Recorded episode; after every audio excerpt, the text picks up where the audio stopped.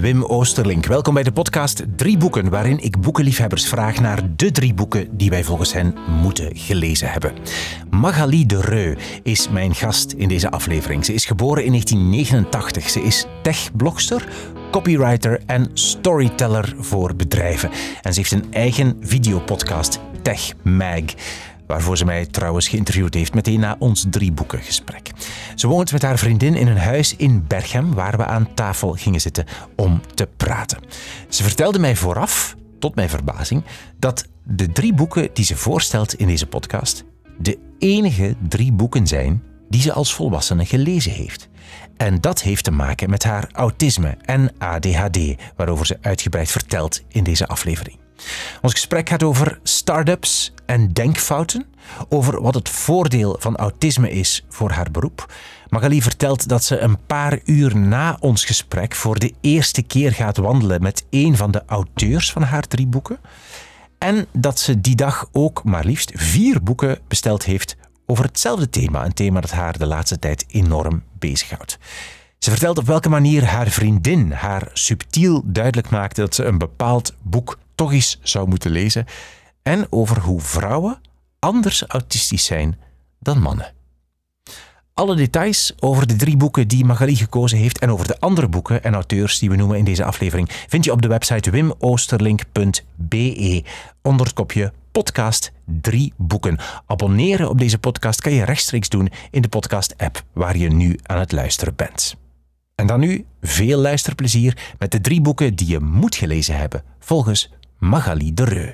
Het was zo dat ik zei dat ik eigenlijk zelden lees. Dus dat de drie boeken die ik uitkies, dat dat de enige boeken zijn die ik toch ja, volledig heb uitgelezen. Dus jouw drie boeken die je vandaag gaat voorstellen, zijn de enige, zijn de enige die je gelezen hebt? Ja. Wauw. Ja. Hoe komt dat? Ja, dat is heel... Dat is belangen niet. Dat is totaal niet intellectueel om te zeggen. dat besef ik. Maar ik heb een hele... Ik heb een vreselijke korte uh, aandachtspannen. Dat is vreselijk. Um, ik ben zelf copywriter, dus ik ben zo de hele dag bezig met tekst. En ik doe veel interviews, dus tekst is wel degelijk, vervult wel degelijk een prominente rol in mijn leven. Maar het lezen daarvan... Het is zelfs zo erg dat ik soms een boek vastpak, dat ik daar met mijn gsm een foto van neem voor Instagram, van kijk, ik ben aan het lezen, maar dan lees ik dat eigenlijk nooit uit. Flarden wel. Flarden wel. En ik lees bijvoorbeeld ook graag Humo, omdat dat ja, korter, kortere uh, uh, stukken zijn en interviews. Maar um, ja, ik vind het heel moeilijk om geboeid te blijven. En heb je dan ADHD? Ik heb ADHD en autisme. Ah ja. ja. En is het door de ADHD dat je het moeilijk hebt om, om gefocust te blijven? Ja, ja niet waarschijnlijk. Het, is niet door het autisme. Ik denk dat het allebei wel een rol speelt. Um, het is zo ook dat, dat mijn, mijn brein dat, dat is overactief. dat, is ook, uh, dat komt ook volgens mij straks nog, uh, nog aan bod. Mijn brein is overactief. En als ik lees, dan, ja, dan, dan wordt dat enkel erger. Maar eigenlijk zou het net ik spreek mezelf tegen, hè, want ik ben zo een, een, ik ben een typische millennial, denk ik. Ik zit veel te veel op mijn gsm en, en veel te veel bezig met dat digitale. En ik voel echt dat mijn brein daardoor achteruit gaat. Hoezo? Achteruit? Ja, achteruit al zien dat het moeilijker is om, om mij te focussen als ik, uh, als ik een pagina lees. Um, ja, onderzoeken bewijzen dat ook. Hè. Um, dat is echt... Dat is jammer. Maar... Vind je dat jammer? Ja, want heb je dan zoiets van, ah, ik vind het jammer dat ik maar drie boeken echt gelezen heb? Ja, ja het is ook wel zo. In, in, als kind heb ik wel ook Roald Dahl en zo gelezen. En ik heb ook de Harry Potter boeken gelezen. Maar zo vanaf dat ik, sinds dat ik volwassen ben, maar nu toch al bijna 13 jaar is, zullen het wel de drie boeken zijn die ik echt... Dus ik heb zelfs mijn eigen boek dat ik heb geschreven, heb ik niet gelezen. Excuseer? ja, ja, ja, ja, ja. Maar je hebt eigenlijk een boek voor iemand anders geschreven, zo hè? Of, of, ja, het is, begonnen, het is begonnen als ghostwriter, Strukkelen in Stijl, met Ruth Janssens. En uiteindelijk heeft ze mij gevraagd om co-auteur te zijn. Ah, voilà. Ja. ja. Maar hoezo, je hebt dat niet, hoezo niet zelf Je hebt het zelf geschreven, toch? Ik heb het zelf geschreven, maar ik heb het achteraf nooit meer helemaal in één stuk doorgelezen. Oké, okay. maar je weet wel wat erin staat. Ja, dus ja, dat, dat wel. dat wel. En wanneer heb je... Want je zegt, ik heb de Harry Potters gelezen, de Roald Dahls gelezen. Wanneer heb je dan gevoeld van... Ah, het gaat niet, of, of, of dit, dit lukt niet meer. Dit, wanneer is dat gebeurd? Dat is een grappige anekdote. ik, ehm, ik zat in het eh, tweede of derde jaar... Nee, tweede jaar hogeschool. Uh, ik studeerde marketing aan de Karel de Grote Hogeschool in Antwerpen. En ik moest daar een, een boek lezen. Um, ik ben zelfs de naam kwijt van het boek, zo erg is het. Uh, ik zou dat nog moeten weten, maar ik heb het dus nooit uh, gelezen.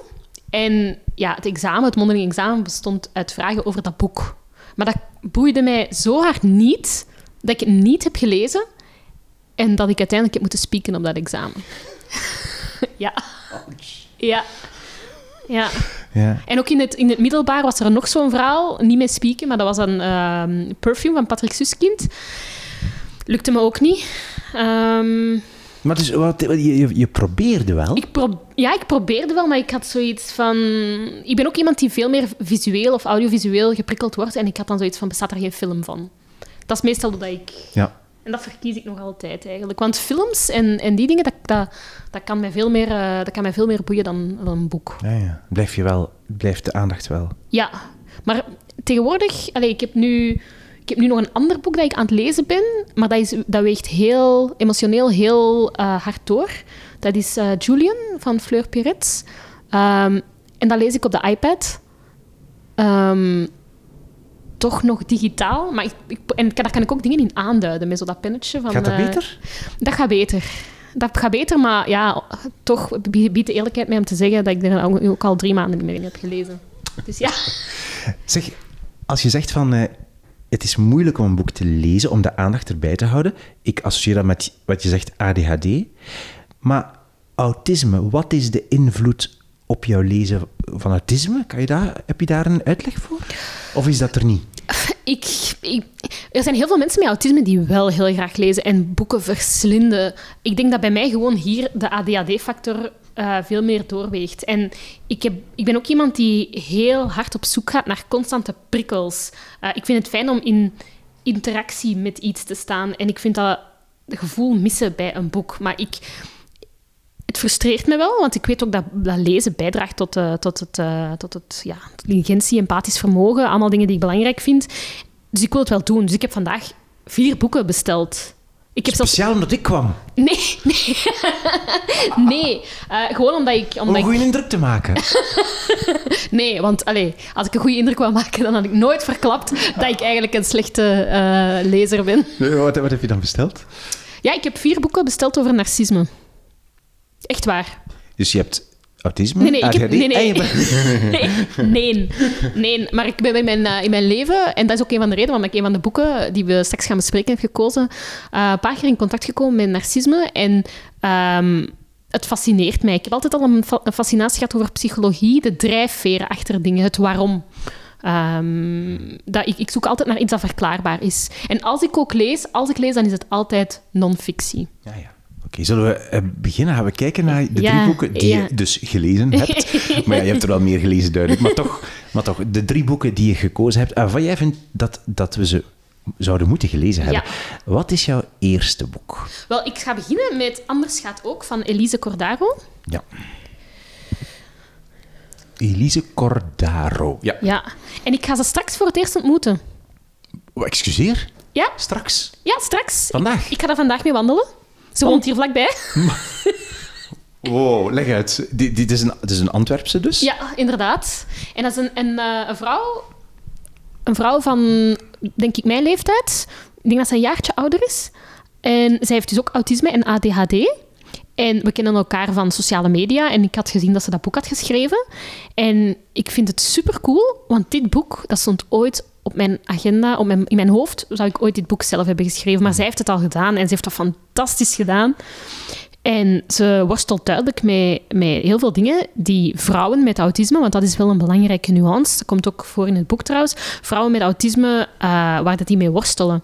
En ja, eerst waren we bezig over, kunnen we een virtuele babbel doen, maar echt de Zoom-meetings en de virtuele bijeenkomsten komen mij strot uit. Dus nu hebben we gewoon gezegd van, we gaan samen wandelen.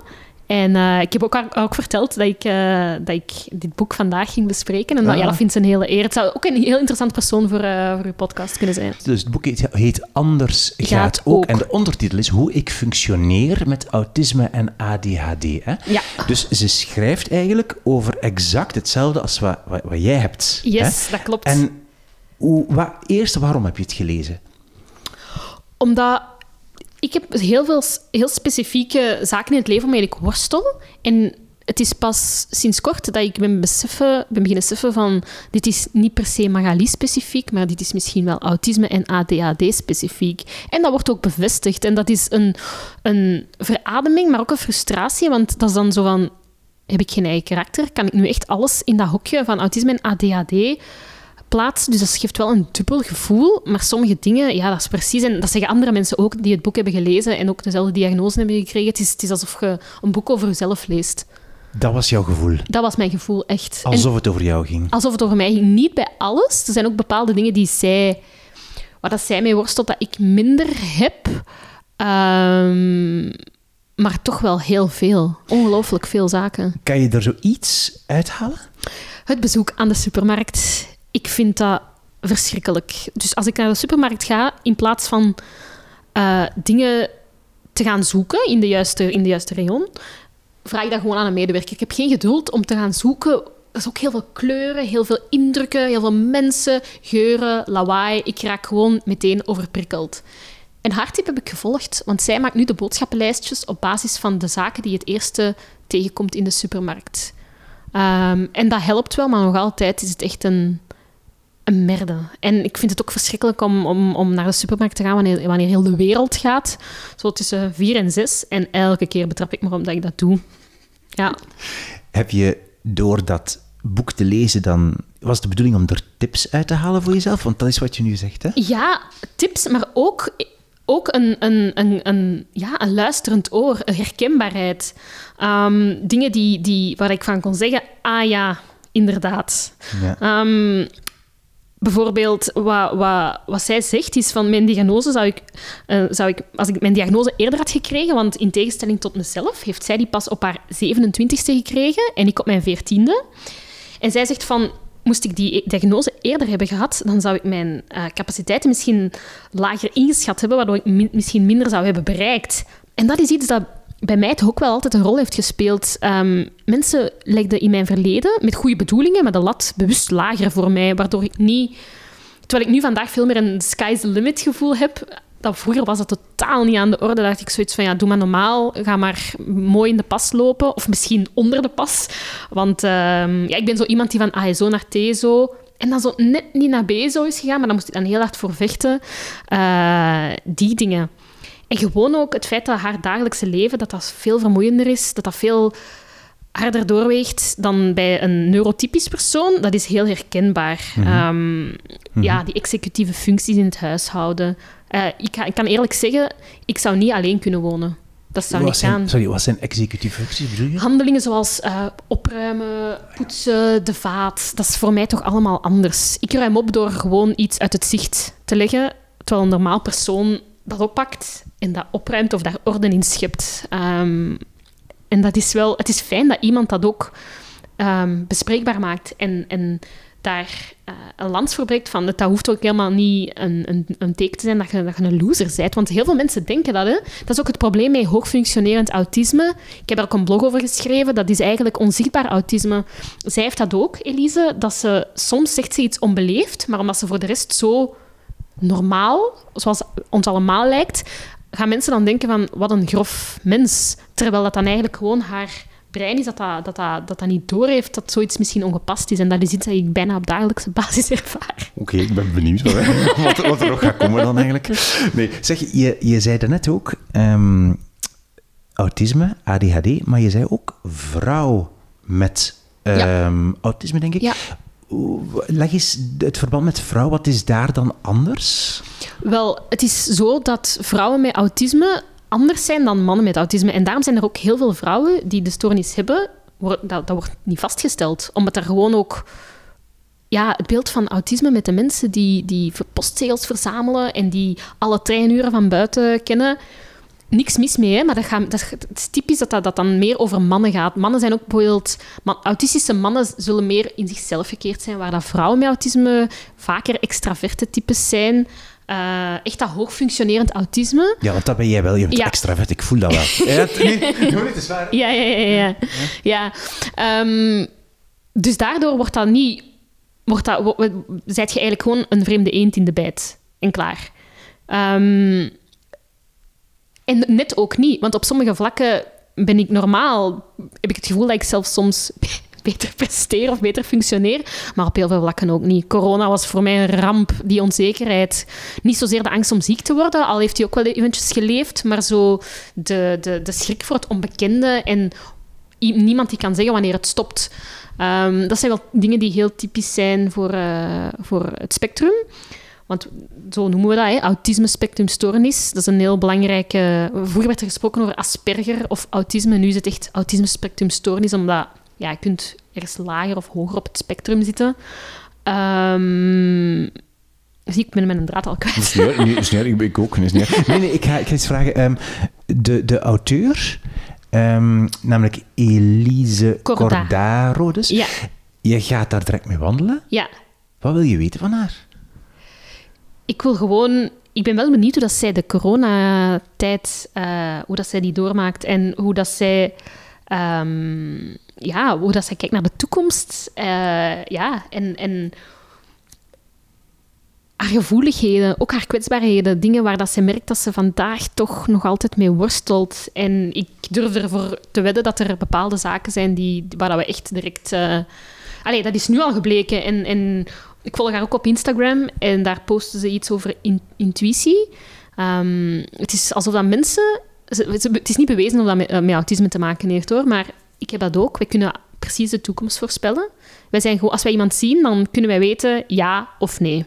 En wij kunnen, wij, Ja of nee, wat? die persoon moet mij, of die persoon ligt mij, of niet.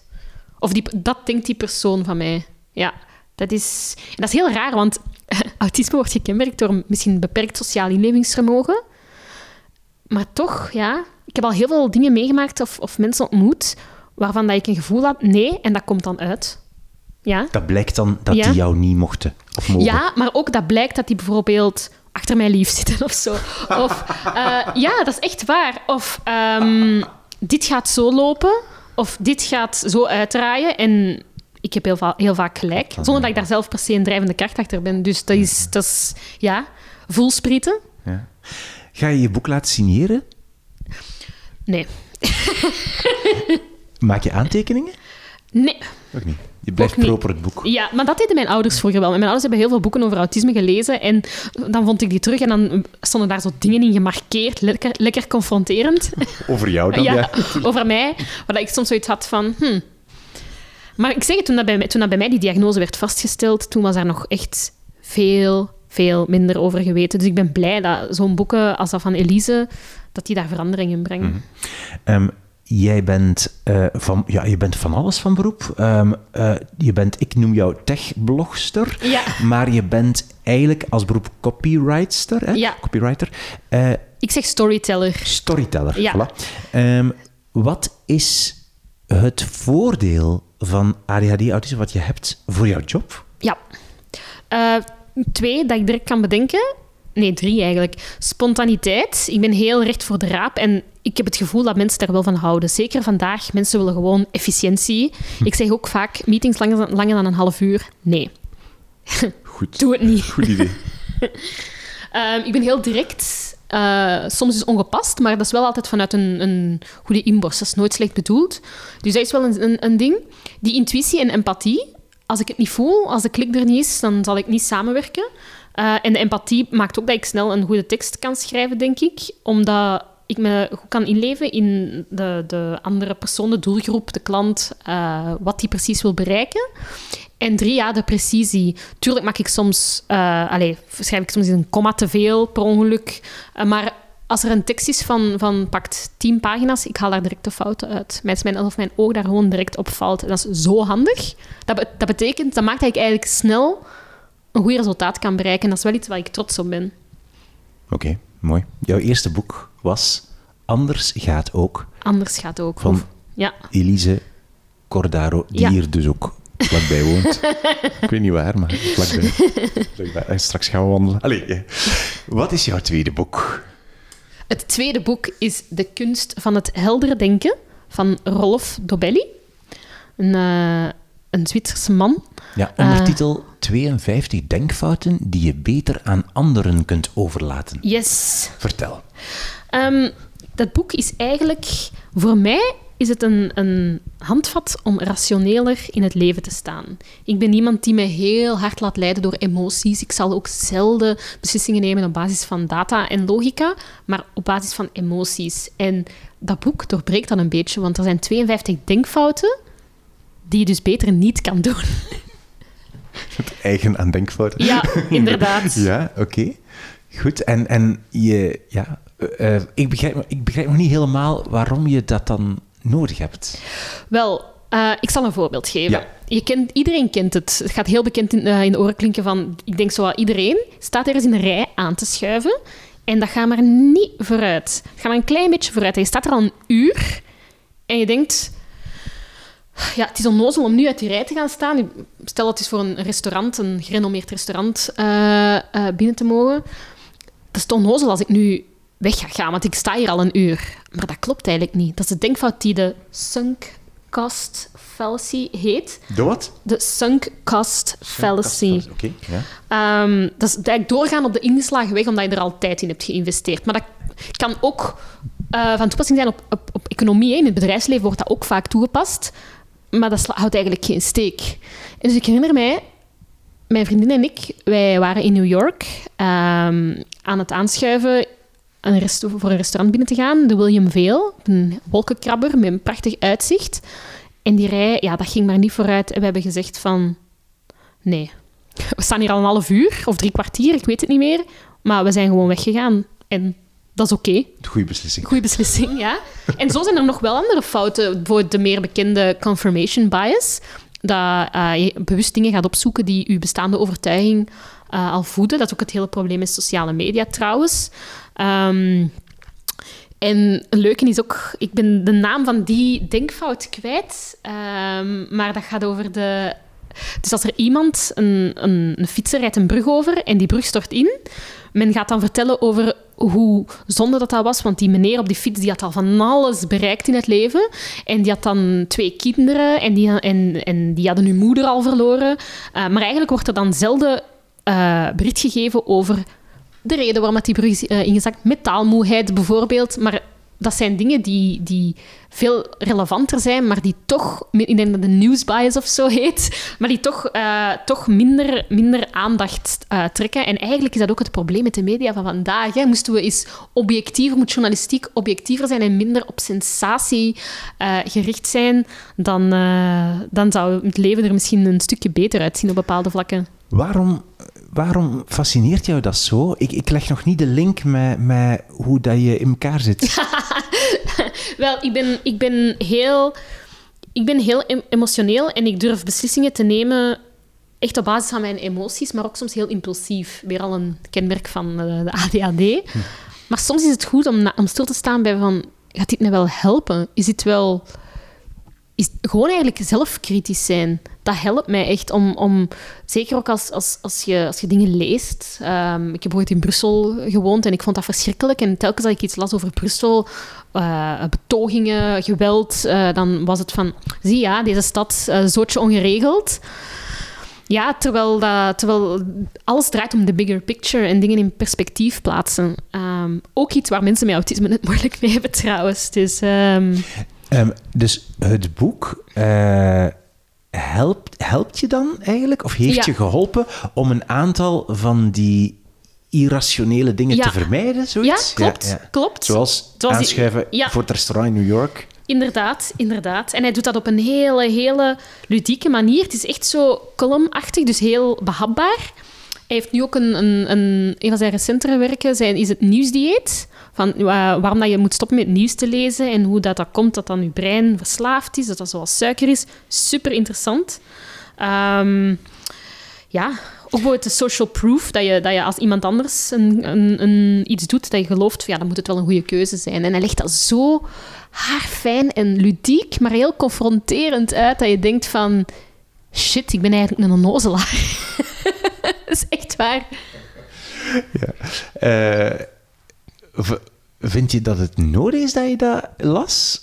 Dat dat, dat echt zo nodig, dat dat nodig was, dat je te veel zo fouten maakte? Ja, ja echt wel. Echt wel. Want bijvoorbeeld mijn vriendin, die leest wel veel.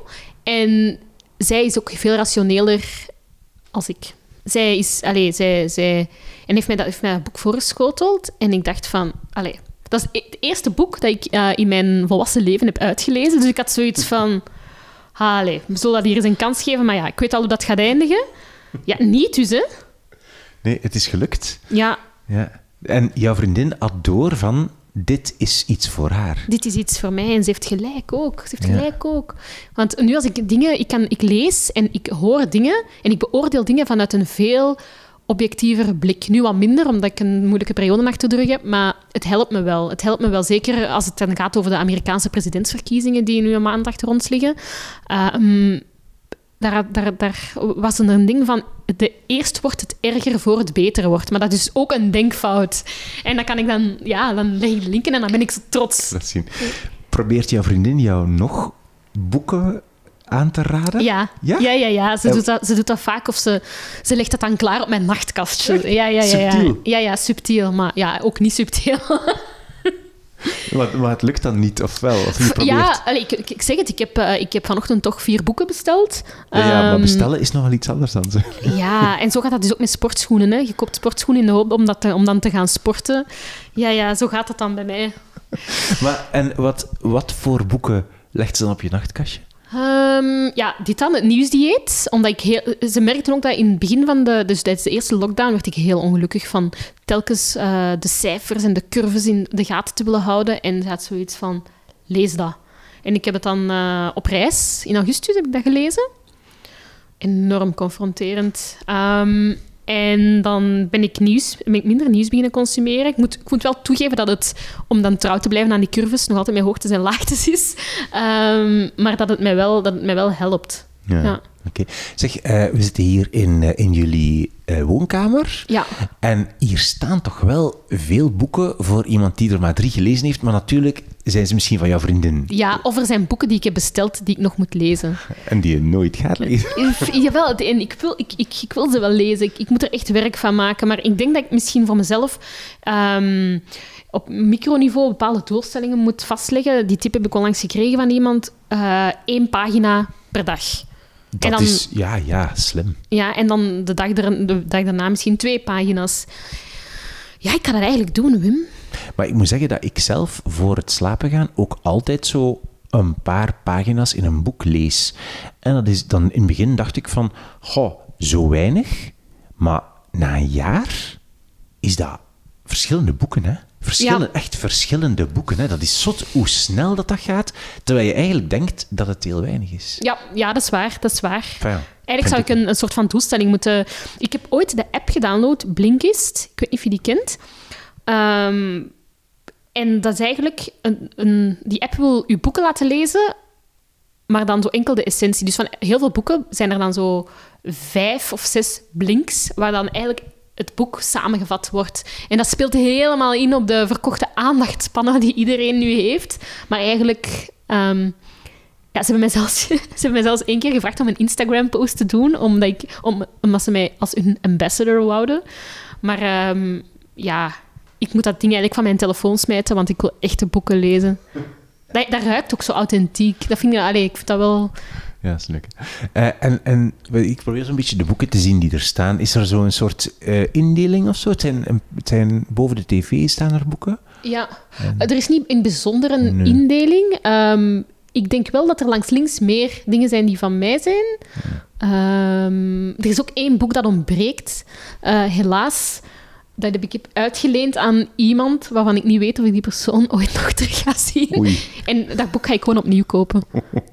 ja, dat ook bijna de selectie van de drie uh, behaald. wil je wel zeggen welk boek het is? Ja, het is het boek van Bedrock. Het is een, Bedrock is eigenlijk een online platform uh, dat je helpt om, om bewuster, mindful, eh, ehm, bewuste keuzes te maken op vlak van wonen, werk, leven, milieu, ehm, relaties.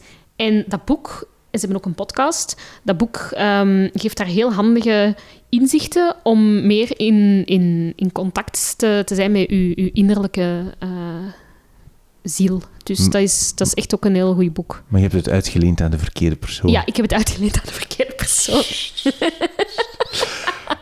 Waren er boeken in huis toen je, toen je opgroeide? Je sprak al van dus de Harry Potter, Ja. Roald Dahl. Roald Dahl, Pietje Puk. De Eh, post, is dat, was dat geen postbode? Ja, Ja. ja inderdaad. En las je, je las zelf dan? Hoe ging dat thuis? Ehm, ja, dat was... eh, ik, weet nog, ik weet nog dat vroeger dat er werd gezegd... ehm, dat is toch goed, hè? Ons Magali, die leest wel. En ons Olivier, dat is mijn vier jaar oudere broer, die leest niet. En ik ben er zeker van dat het nu... Maar eigenlijk is hij ook geen boekenwurm. Er, eigenlijk is de enige boekenwurm in ons gezin, dat is mijn vader. Maar er waren wel boeken. Ehm, ook de, de zusjes Kriegel. Van Mark de Bel. Ja, vond ik ook heel leuk om te lezen. Of zelfs horrorboeken. Ehm, En eh, jouw vader, die, die probeerde... Ze, ze, ze, stimuleerde jullie om te lezen? Of dat? ja, wij hadden een boekenkast en heel af en Het is niet dat dat zo een indrukwekkende boekenkast was. Als er tien op de plank stonden, moet het al veel geweest zijn. Ehm, maar ja, ik heb vooral... Toen was het opvallend dat, het, dat ik toen wel eerder neigde naar eh, fictie. En zo die interesse in... Ja, wat misschien zelfhulpboeken genoemd worden, ehm, is pas later gekomen, omdat ik... Ja, ik heb zo... Ja, hulp, concrete hulp. Dat is, dat is eigenlijk wat ik zoek in elk boek. Ja, nu ja, ja Of inderdaad. ja. inzicht, ja. Ja, ja, ja, klopt. Oké, eh, ging je naar de bibliotheek als kind? Ja. Ook soms om op internet te gaan. De eerlijkheid siert. Maar ook om boeken te... eh, Soms was dat dan voor school. Ehm, ik heb... eh, in het middelbaar heb ik eh, toerisme gestudeerd. Dus ik moest af en toe ook zo boeken van, van dat kaliber ehm, gaan halen. Ehm, ja, ik ben naar de bibliotheek van Edegem regelmatig gegaan. Ook heel veel boetes gekregen voor het niet op tijd terugbrengen van boeken. Ik denk dat, dat ik die mensen nog 100 euro moet. Shame on you. Dus als ze luisteren naar deze podcast, ooit kom ik het terugbrengen. Ja, ja. Ze denken nu, ja, ja, het zal wel. Dat zijn ze 15 jaar geleden Ja, nog. ja dat. Oké, jouw tweede boek was Rolf Dobelli met de kunst van het helder denken. Yes. Wat is jouw derde boek? Dat is een, eh, een klepper, zeg. Ja, en eh, het derde boek is Bad Blood van... ehm, ja, ik kan zijn achternaam niet uitspreken. Ik, Ik weet nog niet, John uw- Carey. Het is uw boek, hè? Ja. Bad Blood, Secrets and Lies in a Silicon Valley Startup. Ja, ik, ik zet het in de show notes, daar kan je dan de, de naam vinden van de auteur. Vertel, wat Ja. is dit? dit lijkt, het lijkt een thriller. Als je het zo ziet van... De, de- Het leest als een thriller. Ja, het, het wordt, in het Nederlands wordt het vertaald als eh, kwaad bloed of bloedtrauma. Ehm, dat boek gaat eigenlijk over iemand die een bedrijf, een imperium heeft uitgebouwd op basis... Ja, dat eigenlijk een luchtkasteel is.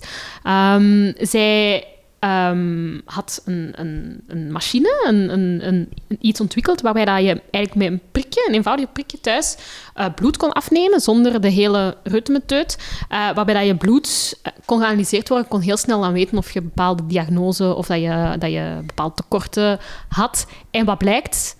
Dat ding werkte gewoon niet. Het heeft miljoenen investeerders aangetrokken.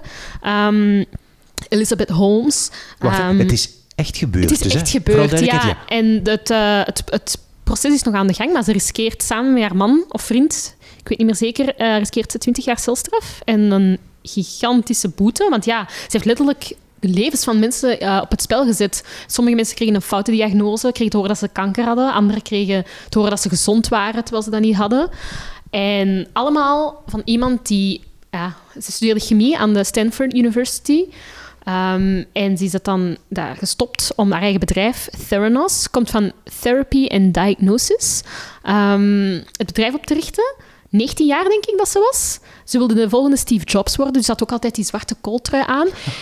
En wat nog echt, ja, ze, vertoont echt kenmerken van een, eh, van, van een sociopaat. Dat is echt waar. Ehm, Maar het was, ze, ze, heeft, ze heeft dat bewust gedaan. Dus ze wist dat het niet werkte. Ze wist dat het niet werkte en ze heeft mensen om de tuin geleid. Ze gelo- mensen die eh, ja, sociopaat of, of narcist zijn, die geloven, die geloven in dingen die eigenlijk de werkelijkheid overstijgen. Dus zij zal waarschijnlijk wel gedacht hebben van ooit gaat dat werken. Zij zal niet bewust mensen willen pijn hebben gedaan, maar ze, ze, ja, ook in Silicon Valley heel vaak zijn dat, gaat heel vaak over luchtkasteel. Dat heeft net de pijnpunten van heel die tech-bubbel blootgelegd. En ik vind dat razend fascinerend. Het ging zelfs zo ver dat Elisabeth, dat die haar... Um, daar bestaan ook YouTube-filmpjes van, dat zij um, bewust een, een, een baritone stem, dus een meer mannelijke stem, om meer serieus te worden genomen. Echt waar. Wow. Uh, die, de man John Caribou... Ja? Uh, is hij dan, wat, zei dan, heeft hij dan haar verhaal opgeschreven? Of Wel, wat is dat? Hij heeft het, uh, al die dingen, dus zijn boek heeft ervoor gezorgd dat het tot een rechtszaak kwam. Hij oh, heeft, hij heeft uitgezocht. Ja, ja, hij is op onderzoek gegaan. Hij is een uh, onderzoeksjournalist. Um, en daar zijn allemaal lijken uit de kast gekomen. Je wilt het niet weten. Ik denk maar echt, echt ja, um, naar de buitenwereld toe was, was, was die vrouw was dat een heel een, ja, een, succesvol onderneemster en heel veel investeerders hebben daar miljoenen in gepompt. Maar binnen de cultuur, dat was heel toxisch. Er heeft uh, iemand met wie ze samenwerkte, um, een zekere Ian, ik ben zijn achternaam, Ian Gibbons.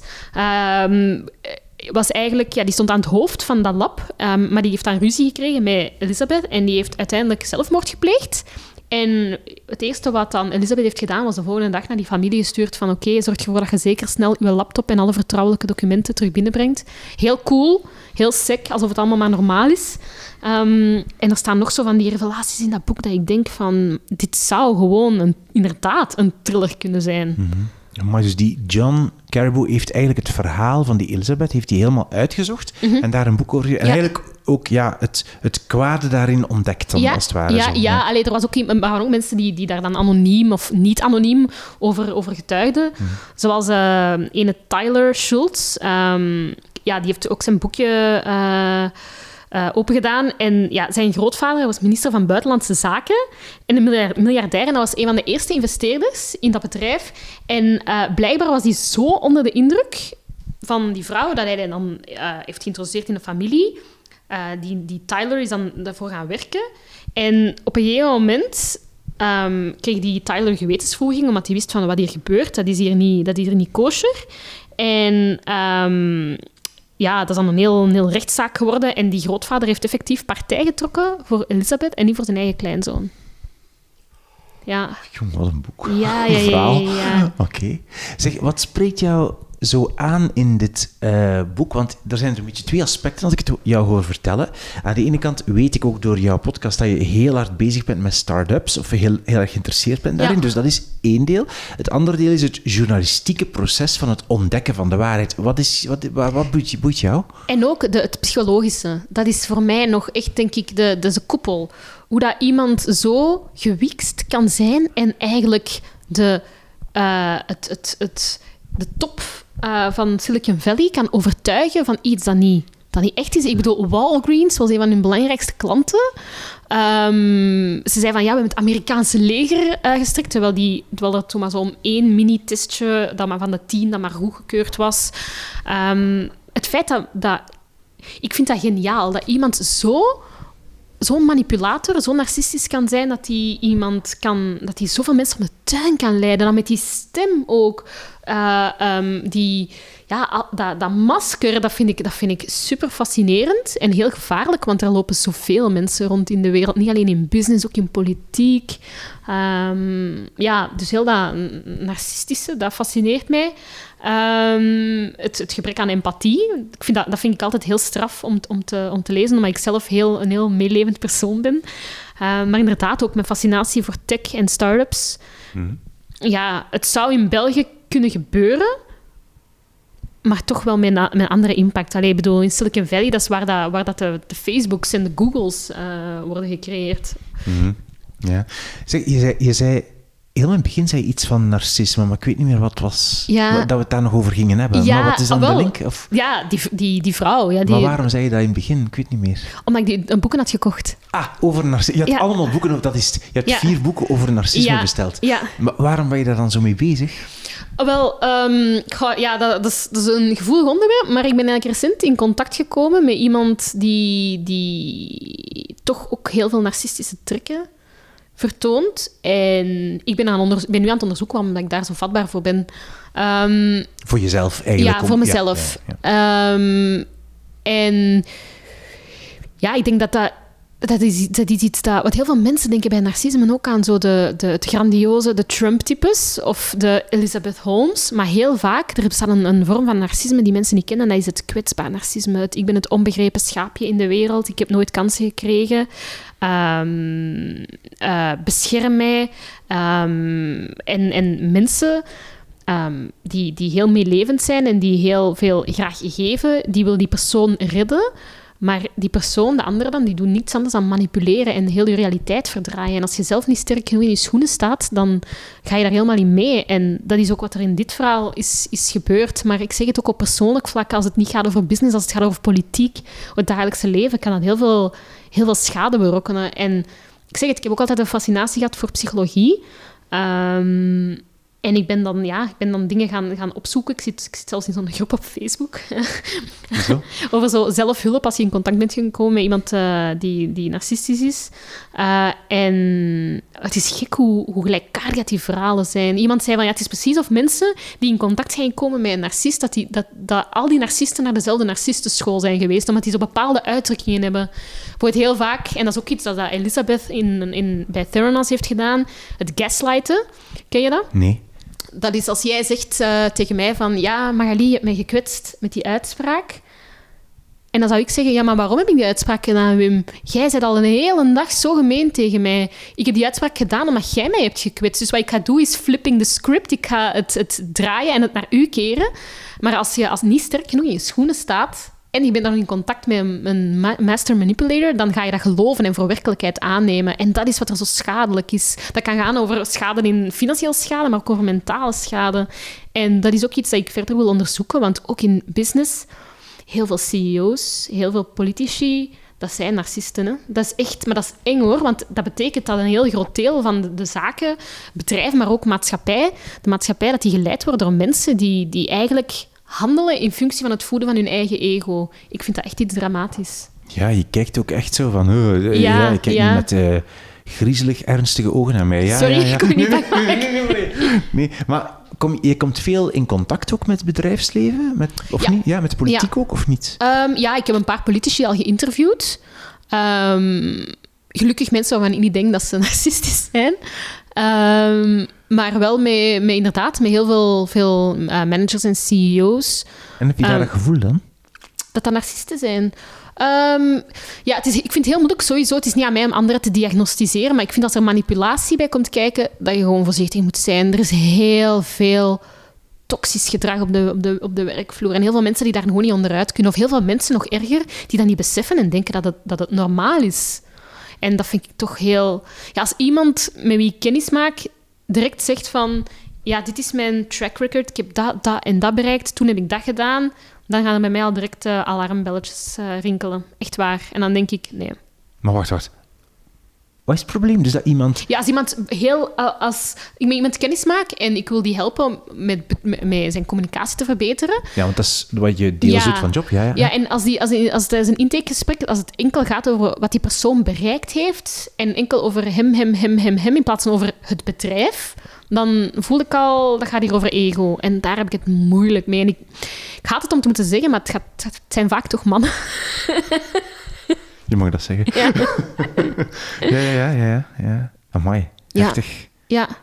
ja. Heftig dat je daar ook natuurlijk zo direct mee geconfronteerd wordt. Ik heb het gevoel, maar het is meer het is een vraag, um, dat de drie boeken die je kiest, die duidelijk, ja, je noemde zelfhulp, maar in die sector ja. zitten, hè, uh, dat jij heel, op een heel rationele manier toch wel daar lessen uithaalt. ja. Toch? Ja. want, want, je zegt dat je zeer impulsief bent in het begin en, hè, en korte aandachtspannen, maar ik heb het gevoel dat je net heel ja, rationeel zegt van, dit wil ik leren, dit ja. is het juiste boek, dit haal ik eruit, dit pas ik toe, vanaf nu doe ik dat niet meer. Of, of, of overdrijf ik? Nee, je overdrijft zeker niet. En het is effectief zo dat... Misschien is dat misschien mijn grootste troef. Ik, ben, ik heb heel veel zelfkennis. Ik weet wat, perfect wat mijn sterktes zijn en wat mijn zwaktes zijn.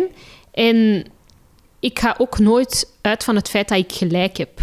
Ik vind het heel fijn als iemand mij het tegendeel van iets kan bewijzen. Of als iemand mij kan challengen om anders te denken. Ehm, zo was ik vroeger niet. Ik had vroeger zo meer het idee van, dit is mijn visie over dat en dat zal wel kloppen. Maar met het ouder worden, met dingen mee te maken, met een zeer select krantje van gelezen boeken te hebben, ben ik toch anders in het leven gaan staan. Ehm, en dat is, ja, dat, dat, dat, ik kijk er nu rationeel naar, maar geloof me als ik zeg dat als ik die boeken lees, dat ik soms, ja, dat mijn hart daar sneller van gaat slaan, op de slechte manier. En ja, als die boeken van, uh, van narcisme hier zijn, dat zal ook wel, wel, uh, wel het geval zijn. Mm. Ja. Je hebt uh, ook een eigen podcast, maar Ja. ik weet niet of het nog altijd een podcast is eigenlijk. Het is een YouTube-show. Ah, voilà, maar het was een, je had een podcast en nu is het een Nee, YouTube-show. het is altijd al een YouTube-show geweest. Ah. En heel veel mensen denken dus inderdaad... Ja, een- leg het eens goed uit Ja. gewoon, dan weten we het. Want ik, ik moet direct... jij- gaat nu mij interviewen. ja, ja, ik ga zo meteen jou jou- interviewen. Ja, TechMag. TechMag. En Highland Voor- Talks. Voor jouw podcast slash YouTube Ja. ding. Dus ik, Vertel, wat is het? ik ben in augustus 2018 gestart met eh TechMag, een eh, YouTube-show waarbij ik initieel het doel had om ondernemerschap dichter bij de doorsnee Vlaming te brengen. Dus door vooral ondernemers, CEO's en start-ups te interviewen. Heel vaak kwam daar tech bij kijken, maar soms ook niet. Ehm, ja, ik zie ook technologie eerder als een middel om vandaag veel sneller te schakelen, om businessmodellen, bestaande businessmodellen en verdienmodellen ehm, anders en slimmer te gaan bekijken. Maar dan merk ik, merkte ik toch ook op dat het is heel moeilijk om zo niche gefocust een kanaal uit te bouwen. En ik merkte heel vaak dat ik gewoon op zoek ging naar wat drijft er nu bij die persoon? Wat drijft die om dat te doen? En hoe komt dat hij dat doet? Waarom?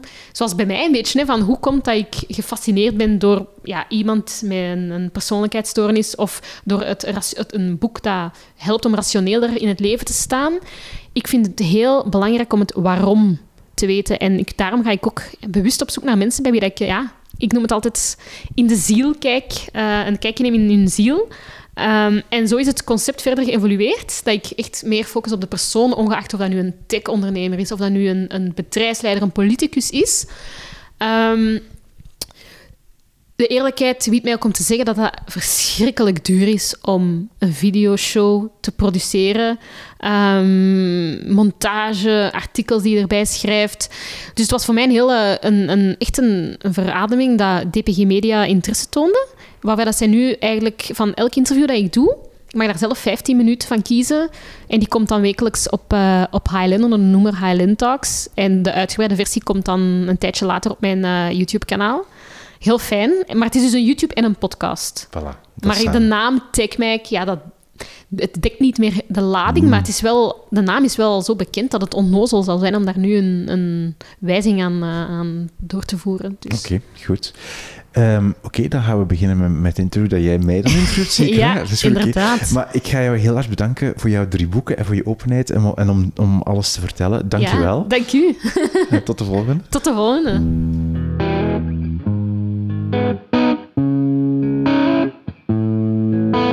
Dit was mijn gesprek met Magali de Reu. Ga even naar de website wimoosterlink.be. Onder het kopje podcast drie boeken zie je alle andere afleveringen van deze podcast. En daar vind je ook alle info over deze aflevering. Met de drie boeken die Magali gekozen heeft, maar ook alle andere boeken en auteurs die we noemen in deze aflevering in een mooi lijstje. Op Apple Podcast kan je abonneren op deze podcast, maar je kan ook sterren geven en commentaar. En als je dat doet, dan help je daarmee de podcast te verspreiden. Dus dat mag. Dankjewel. En mag ik ook vragen om vandaag of morgen aan twee bevriende boekenliefhebbers te tonen hoe ze ook naar deze podcast kunnen luisteren. Op hun telefoon of op hun computer. Drie boeken schrijf je in letters. Ik ben Wim Oosterlink. Dit is de podcast Drie Boeken. Ik ben heel trots op mijzelf dat ik niet verteld heb hoe ik ook in het huis van Magali en haar vriendin opgesloten gezeten heb in het toilet en zij mij moesten komen bevrijden. Dankjewel voor het luisteren. En tot de volgende keer. Welkom bij TechMag. Ik ben Magali en vlak voor mij zit hier Wim Oosterlink, eh, de radiopresentator, eh, ooit vooral bekend bij Q-Music, maar nu zit hij bij Willy. Welkom Wim. Hallo, goedemiddag. Bedankt om hier aanwezig te zijn vandaag. plezier.